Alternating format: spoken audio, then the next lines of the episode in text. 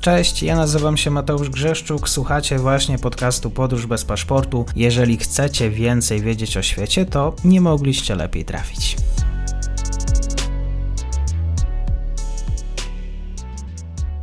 Dzień dobry wszystkim słuchaczom. Mam dzisiaj wielką przyjemność, e, już też po dłuższej przerwie, gościć na kanale. Ze mną jest Ryszard Zalski, e, autor również kanału i zapraszam również na konto na Twitterze do obserwowania profilu kanału na YouTubie Studio Asia. Ryszard łączy się z nami z Tajwanu. Dzień dobry. Witam, dziękuję bardzo, bardzo mi miło. To już chyba trzeci raz, tak? Któryś raz, tak. Któryś raz się spotykamy, któryś raz rozmawiamy o Tajwanie. Mam wrażenie, że mógłbym zadać Tobie właściwie te same pytania, bo cały czas e, właściwie cały świat dyskutuje na temat tego, co z tym z Tajwanem będzie. Może krótko, czy Tajwan śpi dzisiaj spokojnie? Tak, Tajwan śpi spokojnie i tu nie ma żadnej różnicy. Natomiast e, jest, wydaje mi się, jedna różnica, mianowicie te wszystkie komentarze specjalistów, które się pojawiły teraz w ciągu ostatnich paru dni, no są bardzo niepokojące, bo no tak jak słyszymy, czy z Pentagonu, że przyspieszono tą całą e, ten okres, kiedy to ma powiedzmy inwazja nastąpić, czy że, no, że, że właśnie Xi Jinping przyspiesza i tak dalej. Także tutaj nie ma jakichś napięć. Życie toczy się tak jak wcześniej. Natomiast całe komentarze uważam są bardzo niepokojące. Mhm. Kto komentuje? To znaczy mowa o polskich ekspertach międzynarodowych? O kim mówisz? No głównie e, jest kilku generałów z Pentagonu, na przykład e, Ian Easton e, z Instytutu 2049. No jest sporo osób. Właściwie wszyscy, którzy się tym jakoś na poważnie zajmują, zaczęli jakby panikować i to jest dosyć niepokojące, bo i cywile, i wojskowi, także no to, to nie wzięło się znikąd, tu nie ma jakiejś teorii spiskowej, tylko oni po prostu tak odczytują to, co się dzieje w Chinach. A w Chinach się dzieje i zjazd KPH i pozostanie, pozostanie u władzy chiński przywódca.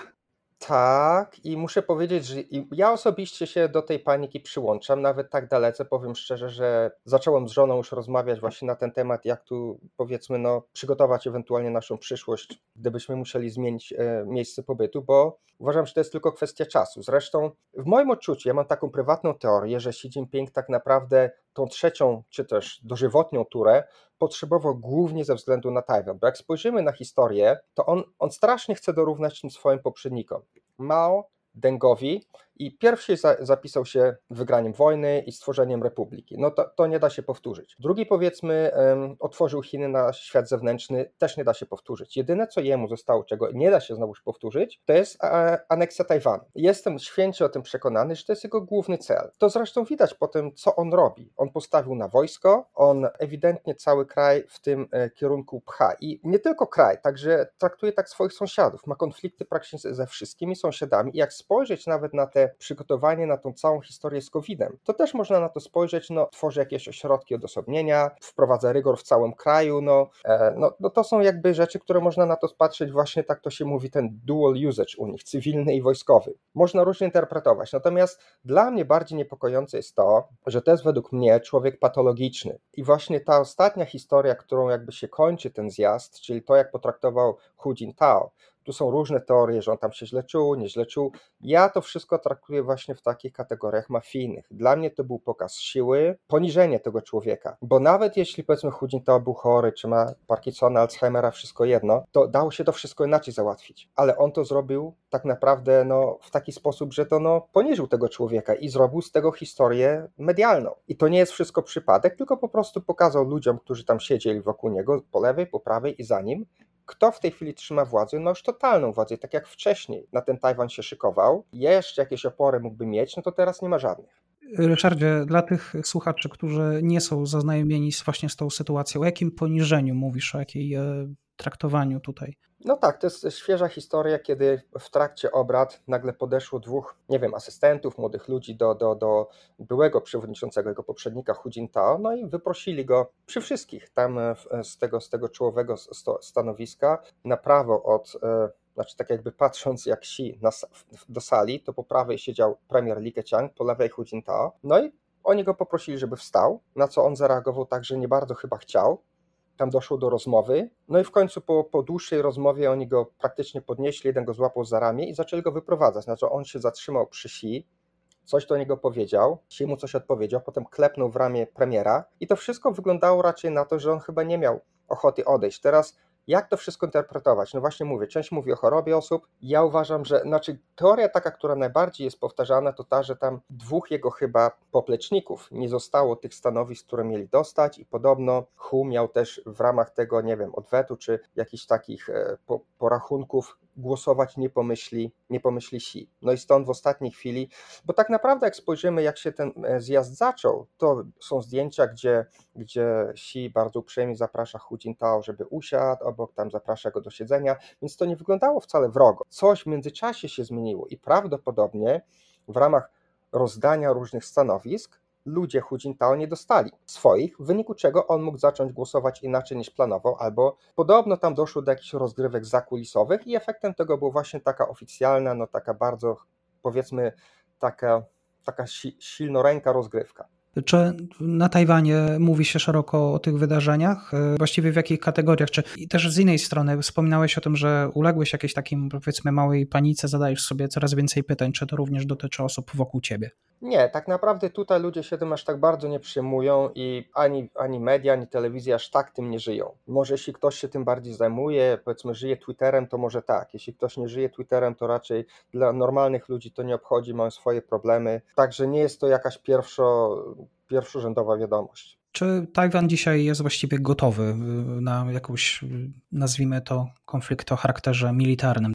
O, to jest super pytanie. Tak naprawdę ten mój kanał właśnie na YouTubie głównie się tym zajmuje. Ja przypytuję, powiedzmy, zacząłem od e, bardziej wojskowych, bo na tym mi zależało. Uważam, że mam problem z tym, kiedy cywile się wypowiadają na tematy wojskowe, więc zacząłem od, tam miałem generała lotnictwa, miałem e, oficera wywiadu na cały Pacyfik, miałem człowieka, który dowodził, mm, admirała, który dowodził lotniskowcem i oni mieli różne opinie, natomiast generalnie opinia jest taka, że Tajwan nie jest przygotowany. Jeden z najciekawszych wywiadów, jaki miałem, to z takim dziennikarzem Wendell Minnick. On tu jest od ponad 20 lat, tak samo jak ja, i jeździł po całej Azji. Był e, tutaj w schronach, tam w Hualien, gdzie są stacjonowane e, w górach wewnątrz, w hangarach myśliwce, był na, na wystawach w Zhuhai e, w Chinach. I on twierdzi, że Tajwan kompletnie nie jest przygotowany. Tamci znowuż mówią też, że nie bardzo. Nie tylko ze względów wojskowych, że mają za mało broni, że społeczeństwo żyje powiedzmy dniem dzisiejszym, ale nawet o to chodzi, że infrastruktura czy, czy, czy ta cyberprzestrzeń, że Chińczycy mają tak zaoraną i tak mają tyle tych różnych e, powiedzmy no, e, trojanów czy innych e, software'ów tutaj na tej wyspie, że jak będą chcieli, to zgaszą światła. I nie chodzi już o to, że mają przewagę militarną, że, że są w stanie przepłynąć, przerzucić tu tysiące rakiet, wystrzelić, tylko właśnie, że są w stanie zgasić światła, że są w stanie zablokować wyspę, także czy będą chcieli pokojowo, czy będą chcieli wojskowo, tak czy inaczej są w stanie nad tym zapanować. No i teraz cały problem, co zrobi Zachód. Tak naprawdę wielu zwolenników czy jakichś ochotników tutaj nie ma, głównie należy polegać na Stanach Zjednoczonych, Japonii i Australii. Z rozmów, e, które właśnie teraz zachęcam też słuchaczy, żeby rzeczywiście zasubskrybowali Studio Asia.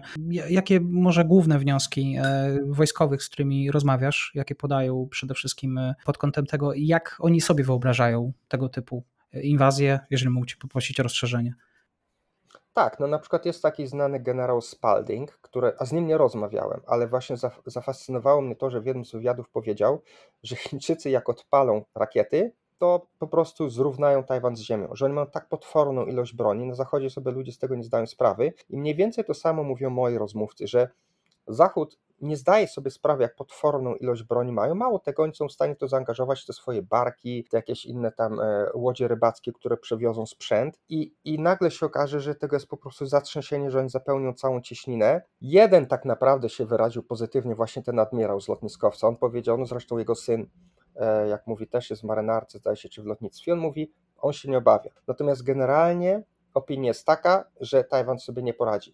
Je, prawdopodobnie dojdzie do tego, że dojdzie do jakiejś takiej partyzantki, czyli na przykład wycofają się mieszkańcy w góry. I tak tak naprawdę kiedyś było, że Tajwan nigdy nie był do końca opadowany, tylko ci e, kolonizatorzy tutaj panowali nad częścią wyspy, a aborygeni żyli w górach, część Tajwańczyków się broniła i może dojść do tego, że powiedzmy będą gdzieś tam na północy Chińczycy panować, a reszta wyspy będzie albo walczyła, albo nie będzie opanowana i będzie tak naprawdę takie połowiczne ani zwycięstwo, ani przegrana. Zastanawiam się też, e, jaka byłaby właściwie postawa samych Tajwańczyków w obliczu tego, co się dzieje, czy chcieliby po prostu, może, może pokój jest tym lepszym rozwiązaniem.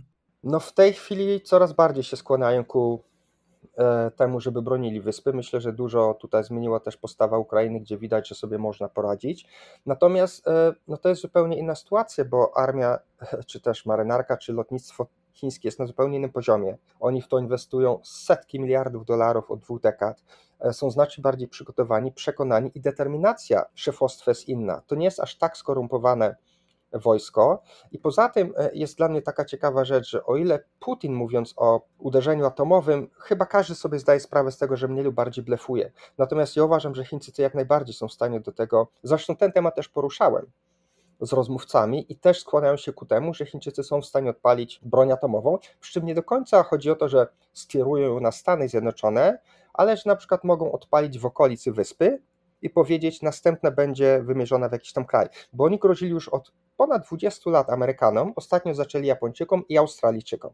Także ja jestem zdania, że jak do czegoś dojdzie, powiedzmy, na, dajmy na to, że Chińczycy dokonają jakiegoś ruchu w kierunku Tajwanu i nagle się okaże, że Japonia opowie się po stronie Tajwanu, Australia i Stany Zjednoczone, tak jak to zapowiadały, no to wtedy na przykład, żeby, na przykład, żeby po, po, pozbyć się trzech przeciwników naraz, to wtedy Chińczycy mogą gdzieś tam odpalić broń atomową w okolicach, czy na przykład na Pacyfiku i powiedzieć, to jest tylko ostrzeżenie. Rozumiem, że w takim razie wniosek jeden, że Tajwańczycy bardzo liczą na swoich sojuszników. No zdecydowanie, tym bardziej to nie chodzi tylko, że liczą, bo Japonia jest e, druga w kolei i w Chinach to nie jest jakby tajemnicą. Oni od dawna mówią i cywile, i profesura, i wojskowi, różnie emerytowani, że i Okinawa, i wyspy Diaoyu no są następnym celem. Potem mogą być Filipiny, gdzie przecież e, wojska wojska chińskie już od dawna dokonywały ruchów, także tak naprawdę Tajwan jest tylko przedsionkiem, pierwszym etapem i każdy wie, że może być następny i to właśnie Japonia, Australia i Filipiny. Także im na pewno zależy na tym, żeby do tego nie doszło i mogą nie tyle bronić Tajwanu, co siebie w dalszej kolejności.